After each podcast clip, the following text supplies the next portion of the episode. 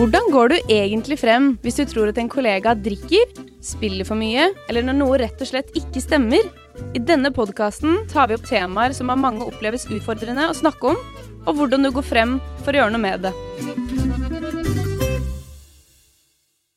Hvis en fotballspiller forstuer ankelen eller får en kneskade, så står fysioterapeuten klar. Men hva skjer når en spiller får problemer med pengespill og økonomi?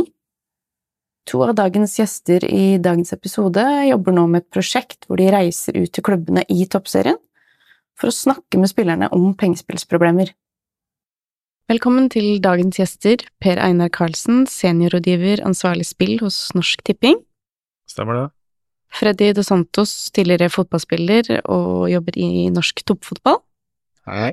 Og Jarle Vangen, seniorrådgiver her i Akan kompetansesenter. Hei, hei. Hei, hei.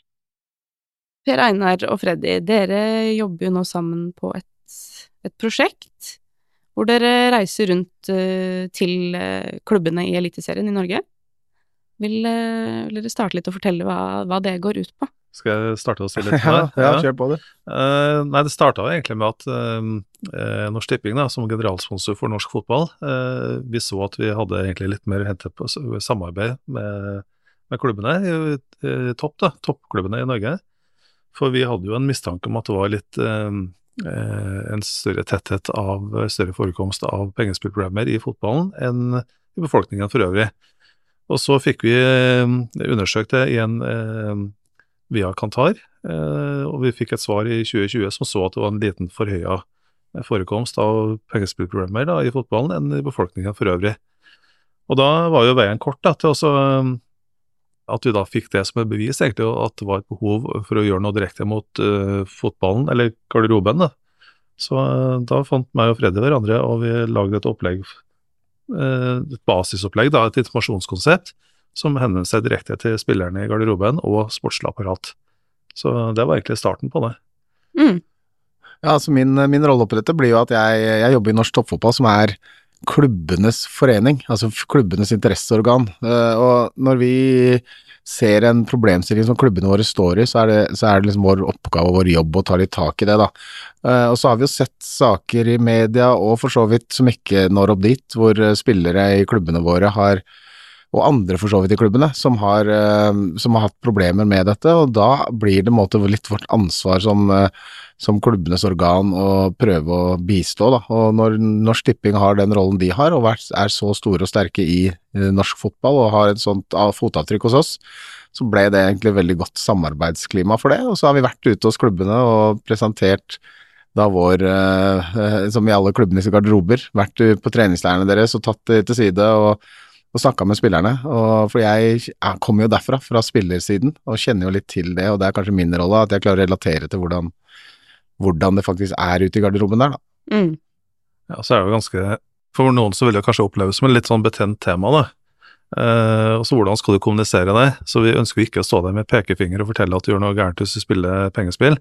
Mm. Så vi, vi, kommer egentlig med en sånn basiskunnskap, sånn at du får litt sånn kjennskap til pengespillproblematikk, hva det er for noen ting, hvordan det oppstår, og at du da kan reflektere over det i forhold til egen spilleatferd. Mm.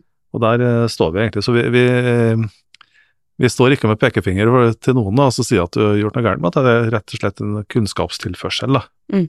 For da har dere reist rundt til de ulike klubbene, jeg vet ikke hvor mange dere har vært igjennom, men i hvert fall vært rundt ja, i Norge? Foreløpig så har vi vært hos 17 av 32, har vi ikke det, Freddy? Mm. Det, det, har vi, så vi er på en liten rundreise, da. Og det er mm.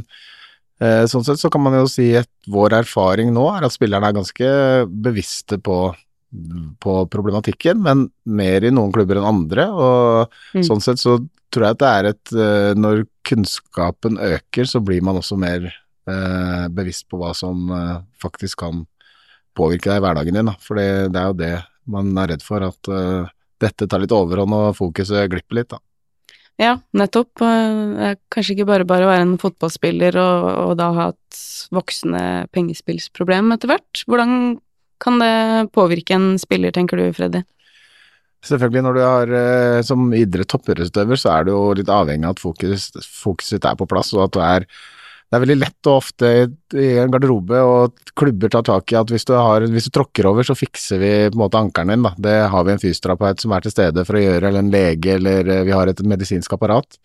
Men akkurat på de tingene som er eh, på det mentale plan, har kanskje ikke vært så mye fokus på tidligere. Nå har jo klubbene blitt veldig mye bedre, da, så sånn sett. Så, så jo, ser vi jo at de har mer fokus på det, og det er jo det er en positiv retning, men kanskje spillproblematikk har glidd litt under radaren for mange, da. Og kanskje egentlig blitt mest brakt på banen av at det har vært store saker i media i norsk, norsk fotball som, som, har brakt liksom problemstillingen til bordet. Mm. Uh, og det er jo dumt at det må skje før man tar tak i det, da. Ja, og de sakene har jo ofte gått veldig, veldig langt, eller de skjebnene, da. Uh, Jarle, du jobber jo en del med, med spill her hos oss. Det stemmer. Ja. Og det er jo et kjempefint tiltak, tenker jeg. Det er ganske mange år siden vi fikk de første bekymrings... Eh, vi kaller det telefoner, meldinger fra idretten, fotballen spesielt. Da det var litt sånn nybrottsarbeid. Hva er dette? Man oppdaget at unge gutter, kanskje, ikke hadde etablert seg ordentlig, fikk plutselig en del penger, som dere sier, prestasjonskultur, vant å ta sjanser, lærte opp hverandre, fikk jeg en del historier om, ikke sant, at det var en del av det. Og det var en del fortvila folk rundt i trenerapparatet som oppdaga at dette kunne gå skikkelig galt, og hadde noen eksempler på at det gikk skikkelig galt også. Og det var litt interessant at de henvendte seg til en typisk rådgivningsorganisasjon for arbeidslivet, da. Det var kanskje ikke så mange andre steder å gå, men de tenkte at her har vi noen tanker, noen modeller, noen veier å, å bruke. Så siden det så har vi mer eller mindre hatt litt kontakt med, med idretten. Så for oss er jo dette her et fantastisk tiltak som vi støtter. Mm hvis, som du sier, vi jobber jo mot arbeidslivet, og når et problem bikker over til å påvirke jobb og arbeids, arbeidshverdagen og kolleger og Hva tenker du, eller hvilke tanker har du der rundt eh, det at en fotballspiller eh, ja, enten har et stort problem med penger, eller et voksende pengespillsproblem, hvordan kan det påvirke det? Det ble jo mer sånn at vi stiller, eh, stiller noen spørsmål, ikke sant, for toppidrett er vel ikke, kan vel ikke sammenlignes helt med fabrikken som lager dører eller bilverksted, liksom, eh, i forhold til dette her. Og norsk arbeidsliv har jo noen rammer som man er ganske fornøyd med at man har. Og at man snakker så mye om liksom, omsorgsplikt, eh, tilretteleggingsplikt, eh, folk skal ha en sjanse og en mulighet, og spørsmålet jeg stiller da uvitenhet, er liksom hvor, hvor langt gjennomsyrer det en prestasjonskultur? Altså risikerer man da en spiller som ikke leverer fordi at de har fått et spillproblem, at det er noe man bare ønsker å bli kvitt, eller setter man i gang et apparat for å hente denne personen på plass igjen? Det er sånne spørsmål jeg som en sånn legmann stiller meg da, når jeg hører dette her. Så det jeg har lyst til å høre litt du tenker. Jeg har litt lyst til å kommentere det. Ja, for at, uh, det er veldig interessant det du sier der. da, for at uh, Arbeidsgiverrollen har jo veldig tydelige rammer for uh, f.eks. rus eller alkohol. da. Mm. For hvis du da kommer på skråplanet der, enten en fotballklubb eller uh, si, en annen type arbeidsgiver, så, så har man eh, retningslinjer og føringer for hvordan man skal hjelpe folk ut av det. Men eh, når det gjelder pengespill, så er det litt tynnere besatt. Og enten en fotballklubb eller en annen arbeidsgiver, da. Eh, og da, da, blir jo også arbeidsgiveren satt i en slags skvis, da. For hva skal du egentlig foreta deg når du oppdager at du har et problem hos en av de ansatte? Og da er det kanskje lett å tenke at første intuisjon er at du skal bli kvitt vedkommende, ikke sant? men egentlig så den første reaksjonen du skal ha, er at du, skal, du må hjelpe ham eh, og få ham på rett kjør. da. Og Enten du er fotballspiller eller ansatt sånn som meg. ikke sant?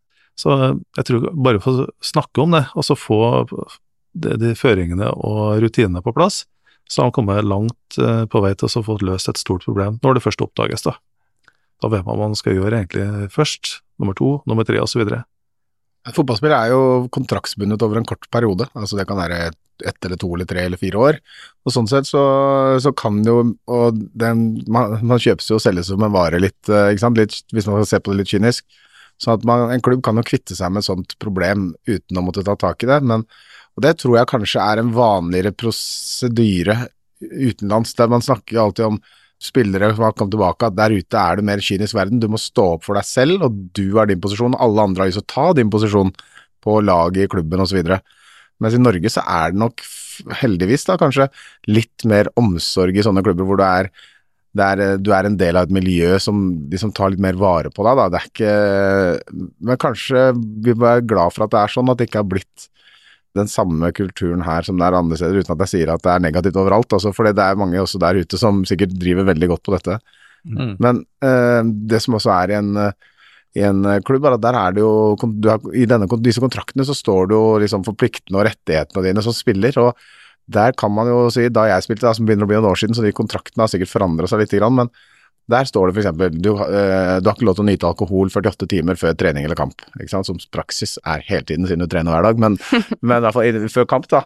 Og sånne ting reguleres gjennom avtalen, men dette her reguleres jo ikke i det hele tatt. Det er vel kun, og det står vel kanskje ikke i kontraktene heller, men det er at du ikke har lov til å spille på deg selv. Det er jo den eneste tingen som reguleres blant fotballspillere eller idrettsutøvere på på spillproblematikk, da, det er at du kan ikke spille på dine egne kamper som du selv er en del av og kan påvirke. Og det får vi faktisk spørsmål om når vi er der ute, da. Hvorfor kan vi ikke det, hvis vi spiller for oss selv? Vi spiller jo ikke bedre, eller vi kan ikke skåre flere mål bare fordi vi spiller på at vi vinner.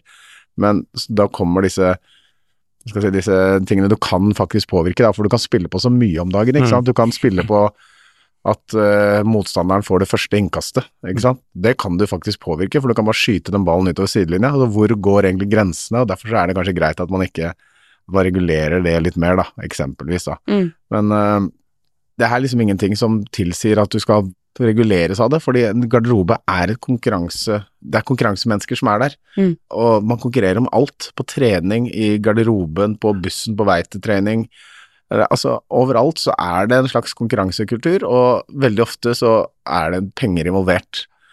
Noen klubber har bevisste forhold på det, til dette. Vi kan jo nevne Molde, da, som var initiativtakerne til hele dette konseptet som vi har. Der har de kutta ut at det er ikke lov på denne måten å spille i garderoben om penger osv. De, de regulerer det, for de har vært involvert i sånne problemstillinger og har et veldig bevisst forhold til det. Mens andre så er det ikke det. Og det er ikke noe, noe galt hvis det ikke er noe problem, så må de gjerne gjøre det, men det er kommet lenger enkelte steder enn andre. Mm. Vi snakker jo ofte om at uh, kultur spiser jo alltid frokost, liksom. Det er den som er dominerende, og så kommer dere da og stikker litt høl i den, der, eh, den kulturen som du beskriver veldig fint da, Freddy. Hva slags reaksjoner får dere da? Altså En klubb som ikke er så bevisst kanskje som ja. det du nevner av Molde, men en vanlig klubb. Blir dere sett på noen sånne raringer som kommer og skal ødelegge noe, eller? Jeg må jo i hvert fall personlig si at jeg var litt spent på det, og hvilken reaksjon vi skulle få. da. Men uh, jeg tror både meg og Freddy ganske raskt oppdaga at vi ble godt, veldig godt tatt imot det.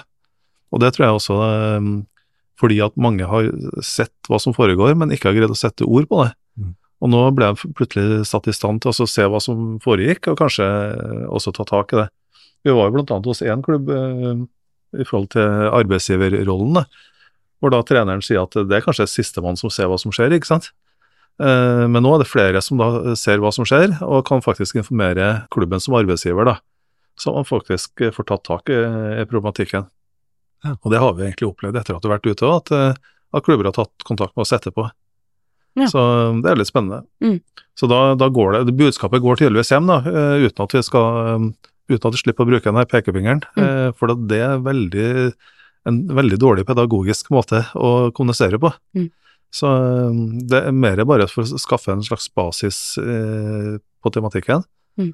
Og ja, når vi forlater klubben da, eh, med foredraget vårt, så, så, har alle sammen sett hva som kan foregå. Mm. Ja, for hva, hva, sier dere når dere er ute i Hva åpner dere med hva, for å nå inn? Hva, hva forteller dere? Vi har, vi har noen uh, sånne hva skal jeg si, noen, Vi prøver å få til en dialog, da, ikke sant. Og det er jo egentlig et ganske vanskelig tema å ha dialog på, men vi starter liksom helt Er dere glad i å gamble? Er mm. spiller dere? Så er det mange ja, vi tipper på ditt og sant, og, og, og, så starter vi egentlig ja, men hvor går grensene for hva dere gjør? Spiller dere i garderoben? Liksom, vi prøver å få til en hvordan Kanskje få et inntrykk av hvordan konkurranse og gambling, eller betting-delen er i, eller miljøet er i den garderoben som akkurat vi besøker der, da. Fordi eh, noen ganger så er, har de et ganske sånn bevisst forhold at ja, vi konkurrerer om absolutt alt hele tiden, og alt dreier seg om penger til at nei, ikke, de tenker, gjør ikke så mye av dette, så det er ganske ulikt også. Så det er egentlig å få litt satt litt ord på hvordan, hvordan det fungerer i klubben. Da, om, eh, og kanskje når vi da går gjennom og snakker om eh, disse tallene og statistikkene som eh, Per Einar har fra, fra, undersøkelser som har blitt gjort både i Norge og utlandet, så får man en litt sånn aha-opplevelse. Og så har vi noen konkrete eksempler på hvordan eh, hvordan fotballspillere har endt opp eh, i spillavhengig, eller spillgjeld, da, ikke sant.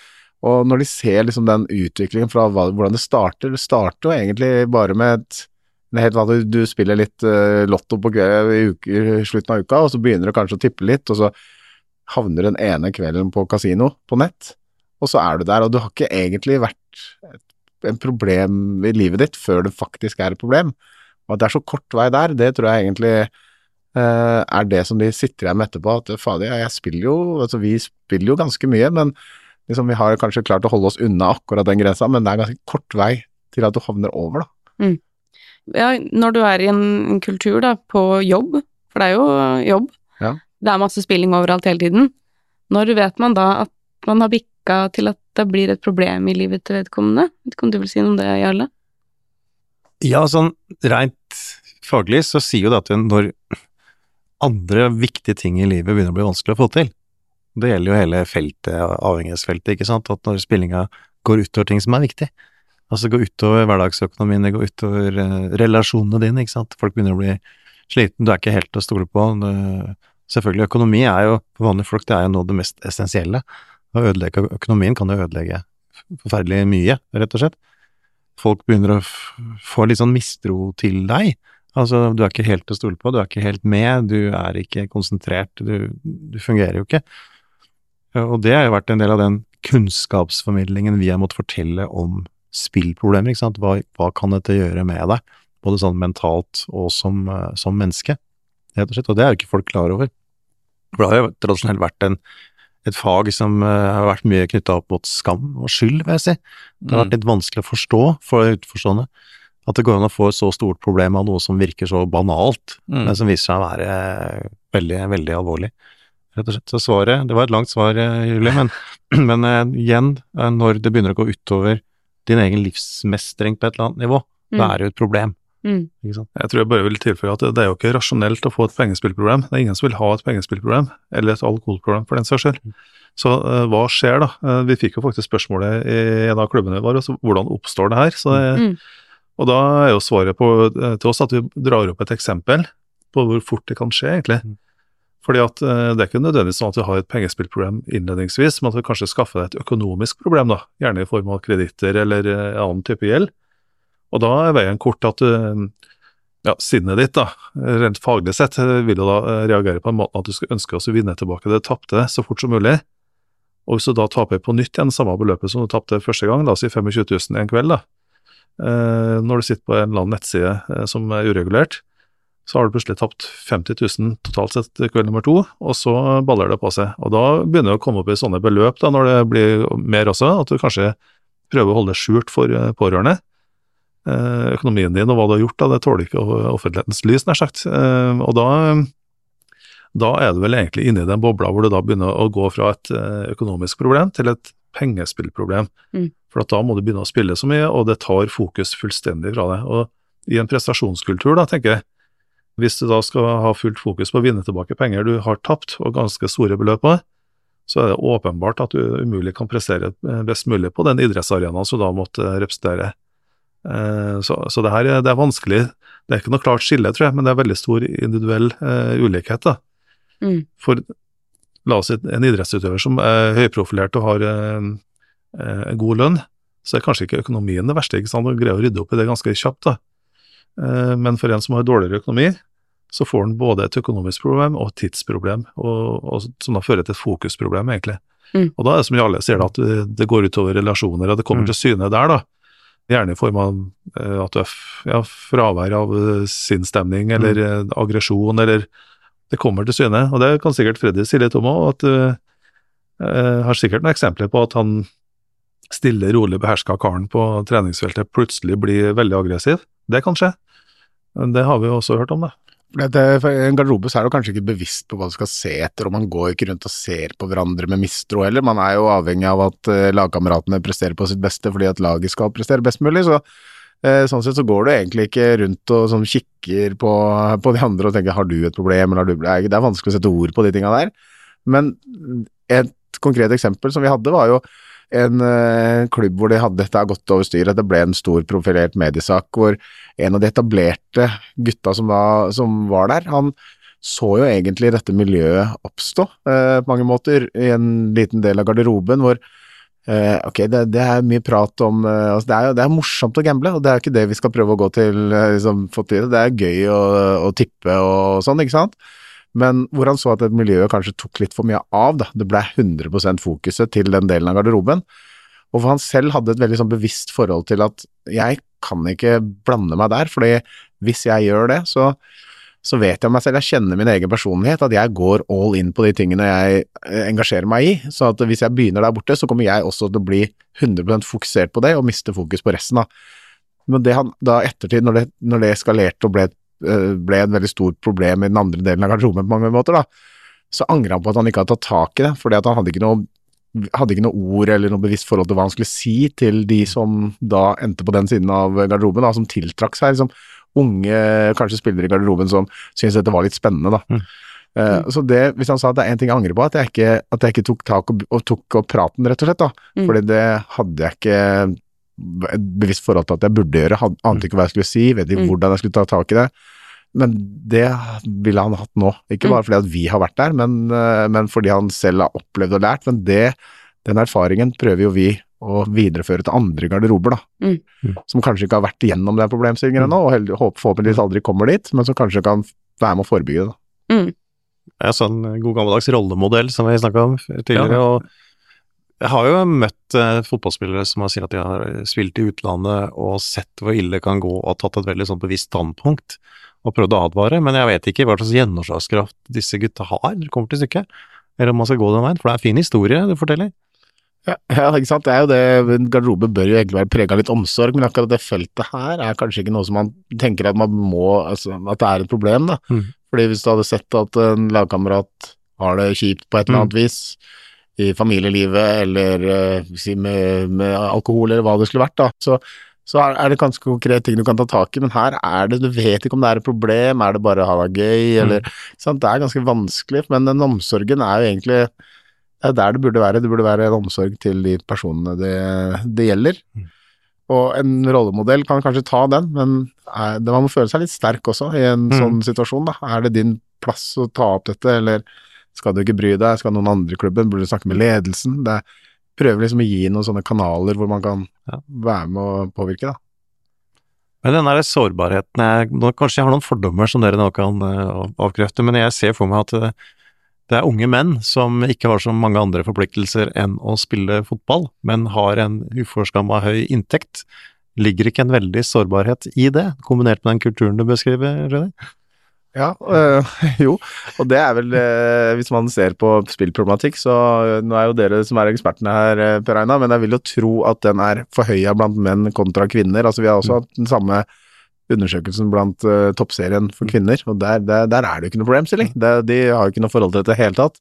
Så ja, unge spillere, eller unge menn med litt mye penger og kanskje litt tid òg, drar på treningsleir, og så er man på trening, og så sitter man de resterende 12 timene eller 14-16 timene av døgnet på hotellrommet. Da er det lett tilgjengelig å gå rett på, en, på internett. Så sånn sett så er jo alle, liksom, alle disse risikofaktorene er til stede, da. Mm. Ja. Viste kanskje den undersøkelsen om òg, eller?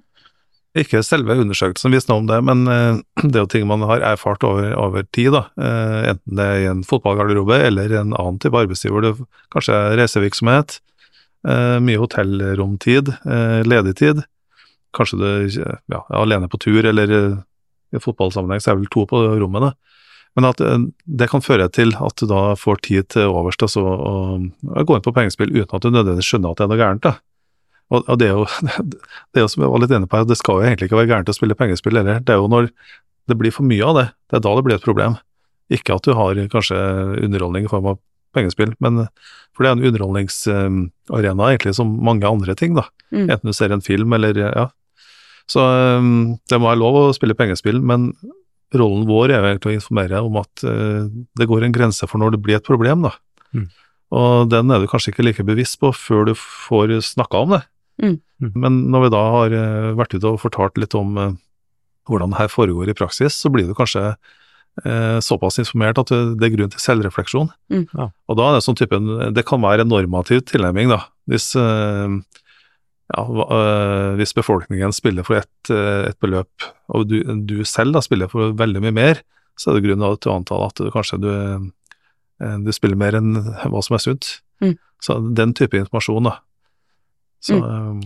Og det er noe med metoden dere bruker, og med å reise ut til klubbene. mm. Med deg, liksom fagperson, og en tidligere fotballspiller som har vært i eh, miljøkulturen og vet litt om det, som, som, kanskje kan treffe ganske bra, da. Jeg håper vi kommer dit med en slags troverdighet, da. At uh, Si at jeg aleine hadde kommet, så hadde jo de kanskje tenkt at uh, jeg ikke har ballasten til å kunne snakke om dette. Og hadde Per Einar kommet aleine, så hadde han følt at det, da hadde kanskje følt at det, det kommer det mer med den pekefingeren, men mm. når du klarer å relatere begge deler jeg, har, jeg, kjenner jo mange av disse spillerne fra før av, og, og det, det, gjør jo at du kanskje kommer med en du, du, blir hørt på et annet vis, da. Mm. Uh, og det, sånn sett så har det vært en fin uh, erfaring egentlig å være der ute og, og snakke med spillerne, fordi det er kanskje ikke Uh, si, det er ikke så mange som tenker på problemstillingen i det hele tatt. Så når vi kommer, så er det noen som bare Oi, skal vi snakke om det? Ikke sant? Mm. Og det er jo kanskje fint at de ikke har eh, så veldig stort forhold til dette, for da er det kanskje ikke et så stort problem.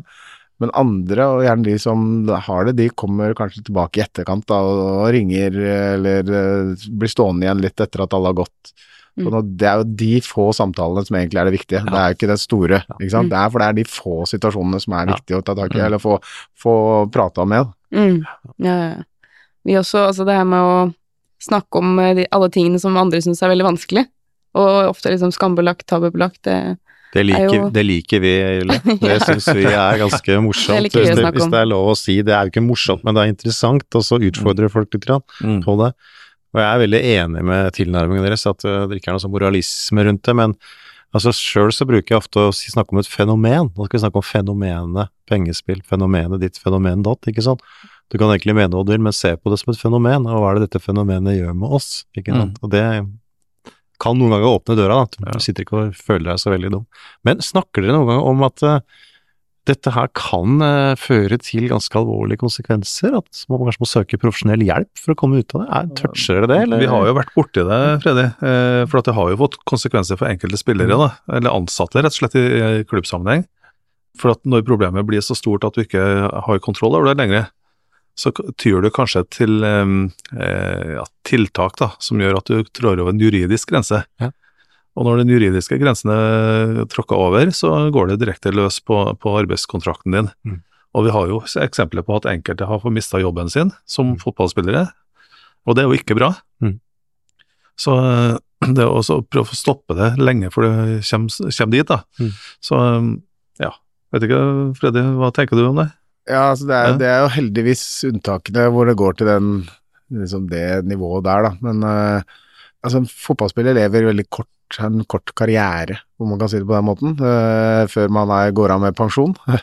og den vil man gjerne utnytte best mulig, da. og jeg tror helt sikkert at det finnes en del ute der som tenker at, og som er ferdig med sin fotballkarriere, altså at jeg, jeg kunne ha nådd enda lenger hvis jeg hadde fokusert mer, og det kan være på på flere områder, selvfølgelig. Det kunne vært hvis jeg trente bedre, eller kanskje ikke tilbrakte så mye tid på puben, eller, eh, eller kanskje hvor jeg ikke brukte all fritida mi og kveldene og satt oppe på treningsleir til klokka fire for å følge med på hockeymatcher og ja. for, å, for, å, tippe, da, ikke sant. Og det, det er helt sikkert noen sånne, og det er jo egentlig litt synd at noen må sitte og tenke det, at de ikke klarte å makse disse få årene man ja, tenk På det. Mm. Tenk på det. Ja, vemod, sorg, ikke sant. Ja.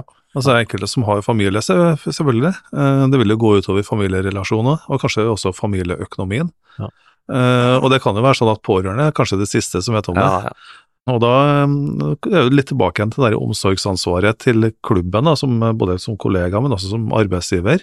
Mm. Pårørende kan sitte årevis uten å få vite hva som foregår på den enkelte spilleren. Men vi som da opptrer i garderoben, eller fotballspilleren, han kan jo se det tidlig. Det kan også arbeidsgiver eh, se tidlig, da. Mm. Men da igjen, da. Eh, da må også arbeidsgiver og kollegaene, klubbkompisen, altså, ha noe verktøy. og gjerne hvis du skal ta en samtale med vedkommende, da, hva sier du da? Og hvis det er arbeidsgiver som skal ta den samtalen, så må du være klar over hva du går inn i når du tar en sånn type samtale. Ja, kjempeviktig. Mm. Det er kjempeviktig. Her tenker jeg vi har ganske gode metoder eh, vi kan mm. lære bort. Altså det er enklere enn man tror, og det er vel litt den der dørstokkmila, tror jeg. Ja. Tørre å sette ord på det, men mm. Det er jo det at eh, det er, det er jo arbeidsgivere, de klubbene her. Og de, ja, som jeg snakka litt om, de har jo et ansvar for sine ansatte, og kunne i hvert fall tilby hjelp så lenge det er mulig, men, men hva skiller liksom ja, en fotballklubb seg fra en, et kontor som det her? Egentlig veldig lite. Mm. Det er jo en arbeidsgiver som alle andre arbeidsgivere, uten at vi kanskje tenker på det som en fotballklubb som en arbeidsgiver. Så det snakker vi litt om fredag når vi er ute. Det. Hva er en fotballklubb? Mm. Uh, bare for å gå helt liksom uh, Ta to steg tilbake, da, for å se liksom fotballklubben utenfra. Og Da kan jo Freddy, da, som har vært en del av garderoben og fotballklubber i mange år, si litt om hva en fotballklubb består av. ikke sant? Det er mer enn et stadionanlegg og en pokal i skapet. Ja, fordi det er eh, En fotballklubb har jo et sånn posisjon i sitt nærmiljø ofte at uh, det betyr så mye for mange. Og da du som spiller og kanskje stjerne på laget, eller at du kommer inn som en ny, så, så, så vil du ha mye fokus på deg selv, ikke sant. Og fotballspillere er jo kan jo kanskje være litt sånn egoistisk i den sammenheng. Det er min egen karriere som betyr noe, ikke sant. Men du er samtidig en del av noe som er mye større enn deg selv. Så hvis du Eh, hvis en klubb har satsa veldig hardt på deg, da, kjøpt deg for en dyr sum eksempelvis, da, og du forventes at du presterer hver søndag, og det, det blir Det kan man stå litt eh, av og til litt sånn ensom i, da. Selvfølgelig er det en del av et lag og et kollektiv, og du skal være liksom levere på den måten, men samtidig så er det til syvende og sist deg selv som står ansvar, til ansvar for din egen karriere. Og, og, sånn sett så er det kanskje annerledes enn i andre arbeidsplasser, fordi eh, internt i en garderobe så er du samtidig avhengig av at de andre presterer for å bli best mulig selv, men du konkurrerer samtidig hver dag med de andre spillerne på laget om å få, få den plassen, for det er elleve som spiller, og det er 22 eller 25 mann i den garderoben, ikke sant, så alle har lyst til å ta den posisjonen. Og det, det, Derfor kan det være litt sånn du står deg selv som en kriger for deg selv samtidig, da, og det, det kan føles litt sårbart av og til. Mm. Eh, absolutt. Det er et uh, begrep vi bruker. Altså det er en sår, sårbar, eller sårbarhetskultur, eller et eller annet sånt. Og, og, det du beskriver, vil jeg tenke er en fryktelig sårbar uh, situasjon. Jeg tenker jo da fallhøyde, for eksempel. Du har kosta Mm. masse penger, du leverer ikke som forventa, du drar på deg en tilleggsproblematikk, jeg ser for meg ting her. Men tør dere å si det rett ut, at uh, dere er kanskje en gruppe mennesker med en ekstra sårbarhetsstruktur, bare i kraft av å være fotballspiller, og alt det du beskriver så godt, uh, Freddy? Ja, det er, dette er jo deler av det vi snakker om Mm. når vi er der ute. At uh, du som spiller har, du har litt ansvar for deg selv, samtidig som det er en del av noe større. Og det, øh, og det, det gjør at du, du har mye fokus på det uh, fra omgivelsene dine. Jeg husker jeg Tilfeldigvis var det at jeg spilte i Molde en gang, og da er det jo litt sånn i en sånn liten by at uh, når du går på butikken, så ser man litt hva du har i den handlekurven. Ja. Det er helt ned til de små detaljene, Ja, ikke sant. ja. Og det, det kan være litt uh, Det kan føles litt rart av og til, og kanskje du har lyst på en mer anonym tilværelse, men du er i fokus hele tiden, og kanskje du trenger en flukt fra det av og til, da, og det kan være mange måter å gjøre det på. Kanskje pengespill kan være en av de, som gjør at man kanskje er utsatt for Jeg bare sånn. henger meg litt på det som Freddy sier der, for at uh, som profilert utøver, da, eller som en, et kjent ansikt, så kan det være en terskel i seg sjøl for å søke hjelp, da. Mm. Fordi at eh, hvis du da eh, ja, bor i Molde eller en annen liten by i Norge og spiller fotball, eller hva du nå driver på med, eh, så kan det være vanskelig å oppsøke fastlegen sin, f.eks. og fortelle at du har et spilleproblem. Mm. Eller tror du at du har det. I og med at det er såpass skambelagt, da, som Jarle er inne på. Og det er jo den skammen, den, eh, den overskygger det meste, egentlig. Så da blir det vanskelig å søke hjelp, Mm. og derfor er det fint at vi har type fjernbaserte løsninger da, for de som søker hjelp og kanskje ikke vil eh, blåse nyheten om seg sjøl at du har et eh, pengespillproblem, men så blir det et anonymt hjelpetilbud.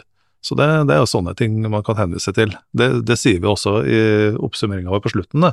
Mm. at det kan være veldig greit å søke hjelp, for at det finnes veldig mye god hjelp å få. Mm.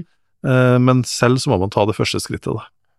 Og så bruker vi litt sånne eksempler i, når vi er der ute, på Fordi at en, en fotballspiller har gjerne jeg skal si, han, han har tro på seg selv på mange måter. Han er litt på en fotballspiller som har kommet til det nivået. Du har kriga deg gjennom å være best på guttelag og juniorlag, og du kommer kanskje opp i en posisjon hvor du har, du har opparbeida deg en status og selvtillit, og du tror du kan fotballfaget, ikke sant.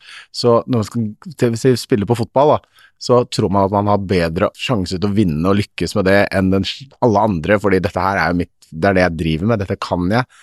Eh, ergo så kan man liksom tro at man kan slå oddsen litt, da. Man, man har veldig selvtillit på det. Men det er kanskje ikke nødvendigvis alltid sånn, for du, selv om du tror du kan det bedre. og Det, det har et sånn, veldig sånn tullete eksempel, men som er tatt fra virkeligheten. Jeg spilte en gang i Vålerenga for mange år siden, og det var akkurat da en av disse aktørene fra utlandet kom på banen i Norge og skulle lansere et nytt spillprodukt, eller spilltjeneste, da.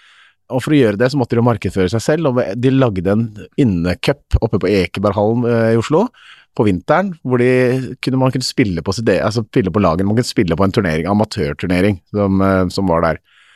Og så satt de bare odds, helt sånn tilfeldig, for de kjente noen av lagene. Så de sa sånn, ja, fikk fire odds på det laget, fem odds på det laget, og de som var ukjente, de fikk 200 odds. Og så var det en eh, gjeng på laget som satte sammen et lag, og sånn, dette var kun eliteseriespillere og landslagsspillere. De hadde vunnet den turneringa med henda på ryggen, ikke sant. Eh, og, det, og de hadde fått 200 odds. Så vi gikk jo fader 200 odds, det var jo gavepakke til alle. Vi gikk inn og satt 1000 spenn hele gjengen på dette her. Eh, og de dro oppover og skulle da bare cashe inn. Alle satt jo Fader, her er, det er jo 200 000 kroner. Så lett, for dette er jo landslagsspillere som skal spille mot uh, en eller annen tilfeldig gjeng fra gata. Og så ringte vi til gutta på lørdag kvelden, for dette var en lørdag i romjula eller når det var. Og så spurte jeg åssen gikk det i kampen. Nei, han ene hadde liksom satt fast bilen på vei opp til Ekeberg, for det var så glatt på, i romjula, så de kom for seint til første kamp og tapte på walkover, og da røyk ut, ikke sant. Så noen ganger, så der hvor du tror at du sitter på en eller annen form for bedre kunnskap enn alle andre fordi du er fotballspiller, så, så skjer det. Det er, noe, noe som har glemt å skifte dekk på bilen, liksom. Som et bilde på det. Og det, for den selvtilliten, den, den, har, den finnes i hver enkelt ja, ja. der, og tror liksom man kan, man kan slå spillselskapene, da. Mm. Ja, men det er det vi møter. Du kan sikkert bekrefte det, Per Einar, at uh, spillere tror de kan slå selskapet. Ikke sant? De tror de kan skjønne det bedre. Det møter ja, og det, forutsi, og, ja. det er jo sånn, sånn etablert sannhet deres at det er enkelte som har en overdreven tro på egne ferdigheter. ikke sant? Og, jeg vil lyst sitere en svensk forsker da, som sa en gang, uh, jeg hørte på natt uh, lang avstand fra å være glad i fotball til å være god å spille pengespill. Ja. For at hvis du er glad i fotball, da, så, så og kan mye fotball, så tror du at du stiller liksom eh, foran de andre med kunnskap, da.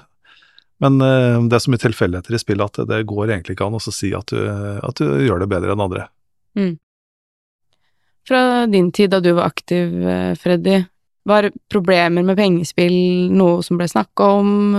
Merka man at folk hadde problemer med det, eller hvordan var liksom sjargongen rundt det da? Nei, det var Man merka at noen opp var mer opptatt av det. Eh, vi, eh, det. det, kunne man jo se, og vi, det var veldig mye konkurranser og kortspill, ikke minst eh, i garderobene våre, som alltid handla om penger. Så sånn sett så kunne jeg jo se at det, det var veldig viktig for mange.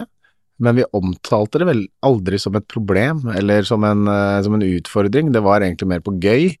Og så var det det når vi, når vi gjorde det i garderoben, og det hadde blitt med det. Men så var det helt sikkert noen som fortsatte når de kom hjem, da, eller eh, også dro det til andre steder. Eh, og så sånn sett så var det noen som hadde, hadde problemer rundt dette, men det ble ikke oppdaga, for det var ikke noe fokus på det i det hele tatt. Eh, og jeg husker jeg hadde en lagkamerat som fordi da vi bodde på, på La Manga, så hadde kasino i kjelleren på hotellet, som jo er ganske dårlig utgangspunkt når man skal bo der og ha masse tid til overs. Så var det noen som gikk dit litt oftere enn andre.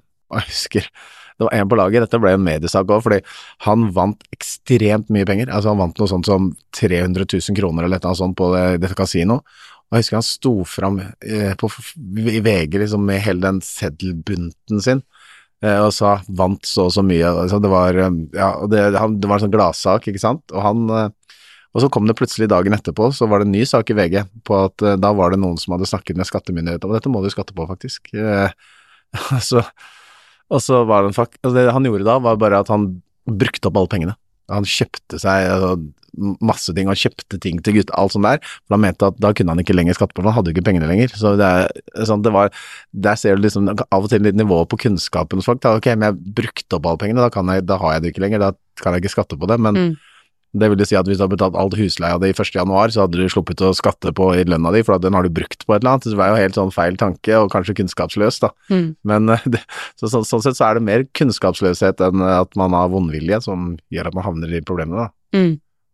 Så er det jo det der med, som du nevner med liksom Spill er jo gøy helt til det ikke blir det, på en måte. Ja, ja. Og, veldig.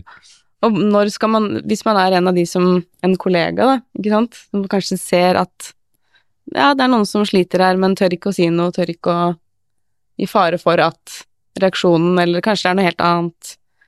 Hva, hva, hva tenker du rundt det, Jarle? Når skal man gjøre noe, hvis man er den som står Og ser kanskje noen andre sliter, da. Ja, det er jo det spørsmålet vi får nesten mest, og jeg er glad for å få det spørsmålet, egentlig. Vi tror sterkt, basert på litt sånn undersøkelser, at folk liker å bli sett. Vi tenker hele tiden at det å ta tak i ting skaper ubehag. Men tenk på dere sjøl, altså hvis livet butter på en eller annen måte. Det er litt ålreit også, at noen klapper deg på skulderen og sier at jeg ser at det nå skjer ting som ikke er eh, veldig greit. Altså igjen å bygge ned den derre Igjen den derre redselen for at ting går gærent, ikke sant. Man kan også bli møtt med en type bagatellisering, altså det er ikke så gærent, Peder Einar, nå overdriver du.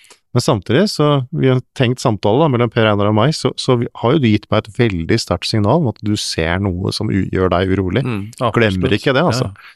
Det er noe med å sette i gang en prosess, ikke sant. Og ikke i ettertid, som noen har fortalt meg når jeg jobbet med rusfeltet, at har sagt at hvorfor var det ingen som sa noe når ting ble ille? Da sier at det er lett for deg å si, men da, samtidig er det signalet om at det, du, det er ikke feil å begynne tidlig. Du kan ikke si at det var ingen som sa noe. Jo, det var noen som sa noe, det var noen som satte i gang et eller annet, ikke sant. Og en god samtale. Jeg tenker trener som har en god samtale, ikke basert på folk som sier at jeg ser et eller annet Freddy som jeg ikke kjenner igjen, ikke sant. Det, den samtalen vil du sannsynlig huske resten av ditt liv. Altså, det, du har pirka på noe utrolig viktig. Mm. Å bli sett er viktig, Det jeg tror sant? Ja. I det. Og klare igjen å sette ord på dette. Mm. Fenomenet, da. Ikke sånn å si at du er dum fordi du spiller pengespill, men som sagt, du, vi ser noe du holder på med som vi ser påvirker deg og oss alle sammen, ikke sant.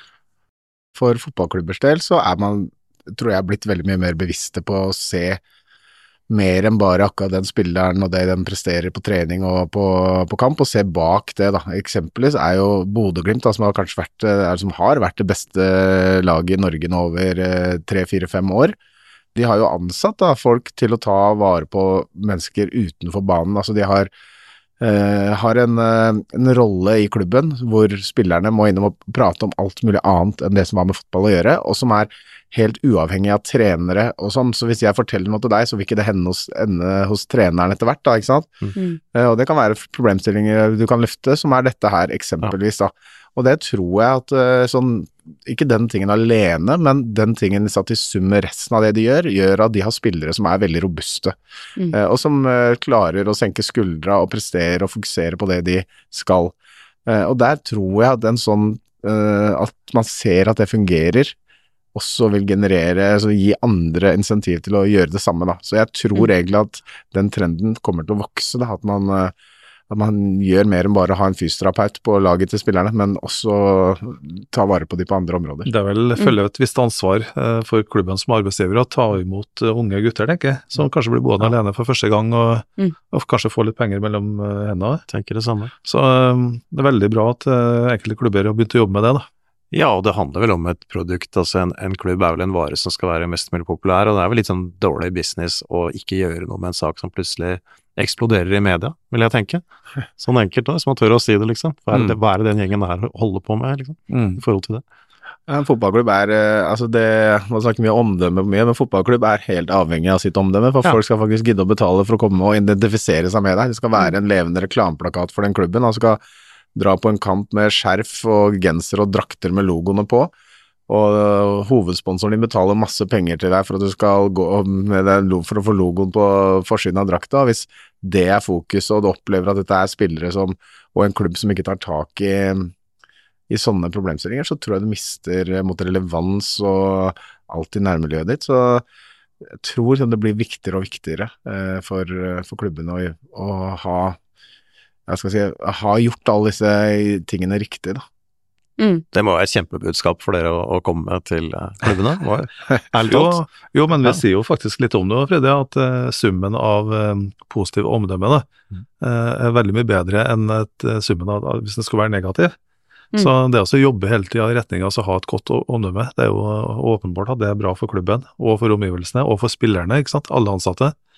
Ja, så vi, vi, har, vi er inne på temaet.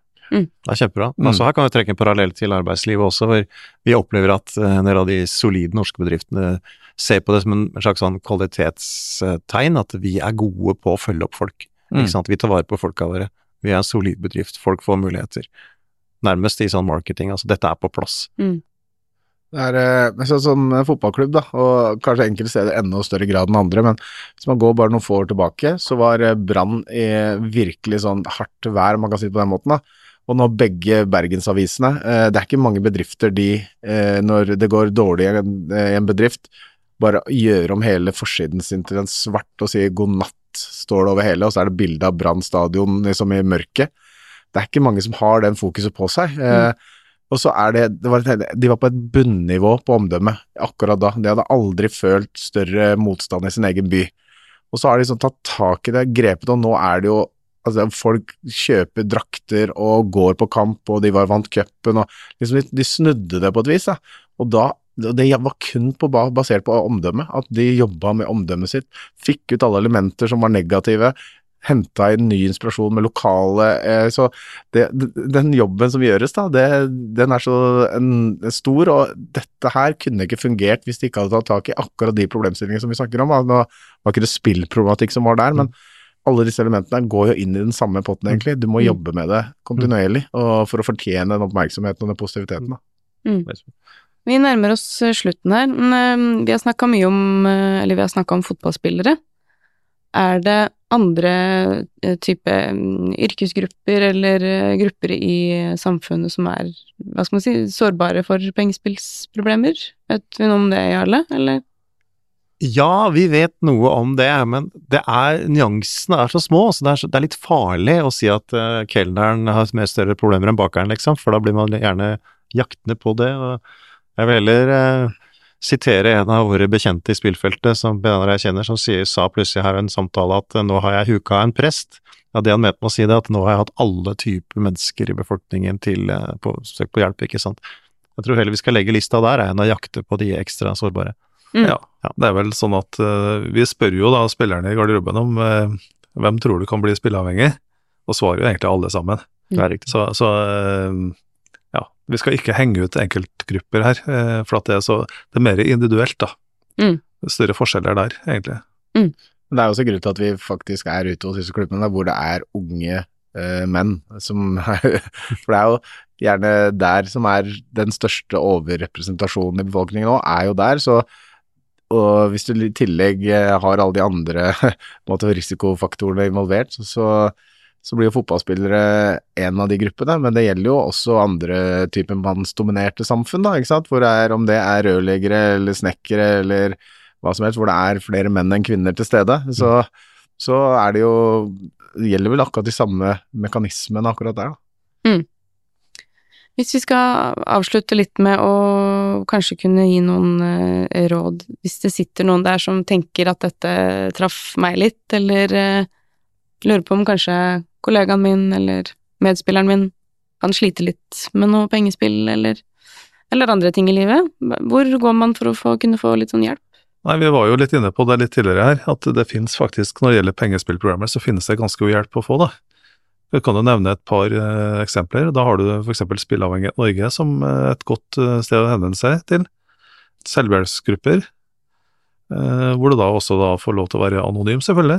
Det samme gjelder jo da Hjelpelinja, som er det offisielle hjelpetilbudet til lavterskeltilbudet til, til eh, nordmenn. Det er bare en telefon eller en e-post unna. Det samme med fjernbasert undervisning og veiledning. Da, da foregår hjelpa på nett. Det er et tilbud som Hjelpelinja nå skal drive sammen med Blå Kors, vel, eh, fra nyttår. Stemmer det. Og fastlegen selvfølgelig også, var vel nevnt her i sted, men eh, det er klart at eh, litt avhengig av hvor du bor i landet, så er det litt ulik eh, kompetanse omkring pengespillprogrammer på fastlegenivå, da. Mm. Men eh, hvis du nevner det her for fastlegen, og ja, kanskje nevner at du har litt uform med pengespill, så får du hjelp der òg. Men det finnes masse tilbud å få, kanskje arbeidsgiver kan henvise har man en Akan-avtale, eller så kan Ja man sikkert få henvisninger via Ja arbeidsgiver der også. Det er riktig. Så Mm. det, det egner seg ganske godt uh, å følge opp en arbeidsplass uh, med Ja. å lage de rammene som en god arbeidsplass kan lage. Mm. For det er også en ting vi kan ta en annen gang, kanskje, men som fotballklubben kan lære noe av. Altså Mm. hvordan, hvordan gjør man det. Men det er riktig det som Per Einar sier, og det er aldri feil å ta en telefon til noe av de du nevner, altså type hjelpelinje i fjernbassettet, hvor de alltid blir møtt på en ålreit eh, måte. Om det er bare den telefonen eller om det starter en prosess, det er aldri feil. Aldri feil å ringe. Og så er det jo, som du også sa tidligere, sa Jarle, at det er jo Det er jo én måte å gjøre det på, å gå, gå den veien, men det er også å se den, det mennesket du, som står overfor deg, da. At uh, faktisk å tørre å ta den praten med vedkommende hvis du ser at det er noe. Og det trenger ikke å være sånn fullstendig drama og sånn, men bare skjønn at du Sånn i en garderobe, da. Kanskje sitter ved siden av en som har det litt kjipt, og tør å, spørre hvordan det går. Det er vel kanskje der man starter, da. Mm. Mm. Det er helt, helt Det, enig. er- det er kanskje den første synligheten for å ha et pengehelseproblem i, i forhold til arbeidsgiver. Det er kanskje forskudd på lønn. Det kan sikkert du eh, bare si ja, litt om, ja, da, ja da, ja da. Hvis du, hvis du eksempel relativt godt Ja. betalt eh, stilling eller rolle, da, må be om eh, forskudd på lønna di tre, fire, fem måneder på rad, da bør du jo ringe en bjelle, kanskje. Og kanskje at noen uansett bør ta en Mm. prat med denne vedkommende. Mm. Eh, gjerne i kombinasjon med gjeld til kolleger eller eh, holdt på å si lagkamerater. Mm. Eh, og kanskje kredittgjeld, få et oversiktsbilde på personlig økonomi, da. For det er ofte et sånt symptom på at et eller annet er i gjære. Ja, bare en sånn liten anekdote om det der, som en spiller, tidligere spiller fortalte meg. Ja, han sa at jeg var han som stjal den gamle syltetøyglasset som hadde stått i kjøleskapet på jobben et halvt år. For jeg hadde ikke penger til mat. Ja, det er eh, altså, Akkurat når det gjelder fotball så kan jo sånn disse problemstillingene kan jo Eller idrett, da, så kan det gå videre òg, fordi vi har en liten bolk helt på slutten av de samtalene vi har med klubbene, som vi kaller det, du kaller det integritet. fordi når du havner i et sånt uføre, da, som en spiller i eh, Eliteserien, Obos-ligaen eller hvor det nå skal være, det er jo de vi representerer, og du kan være med å påvirke et resultat, så kan det også utnyttes av krefter du ikke eh, nødvendigvis har lyst til å bli utnytta av, da. Eh, og heldigvis så skjer ikke det med kampfiksing, da, som, som vi snakker om her. Det skjer ikke ofte i Norge, men det har jo vært eksempler på det. Eh, I utlandet er det mye mer utbredt. Det er en sånn situasjon da, hvis du havner i spillgjeld og, og er, er en ja, skal si, havner i en situasjon som du ikke klarer å takle helt, så kan du gå gli over i noe som da blir kriminelt. Vi toucher så vidt bortom det på slutten, og når man snakker med den delen av spillerne, så er, så er det er jo alle unisone på at dette, er vi, dette vil vi jo ikke. Men det er jo veien fram dit som vi må prøve å eh, gjøre så lang som mulig, da.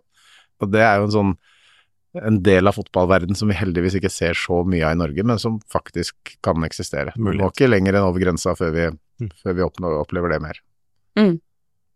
Vet ikke om det er noe dere ønsker å legge til mot slutten? Nei, det programmet vårt for det handler vel egentlig om eh, at vi skal prøve å sette folk til å ta vare på hverandre, da. Fremfor den her pekefingeren som og moralske pekefingeren som var nevnt. Eh, så det handler egentlig om å skaffe kunnskap og dele kunnskap nok til at eh, det blir lettere å ta vare på hverandre. Mm. Så alt i alt, vi, vi opplever det veldig positivt fra vår side. Så vi får håpe at vi får noe nå ut til mange flere. Mm. Skal vi prøve på? Takk. Tusen takk for at dere vil være gjester i Tapraten. Takk for at du fikk komme. Takk for at du lytta til podkasten. Husk å abonnere, så får du neste episode direkte til mobilen din. Ønsker du mer informasjon om hva du kan gjøre, gå inn på akan.no. Er du bekymra? Ta praten.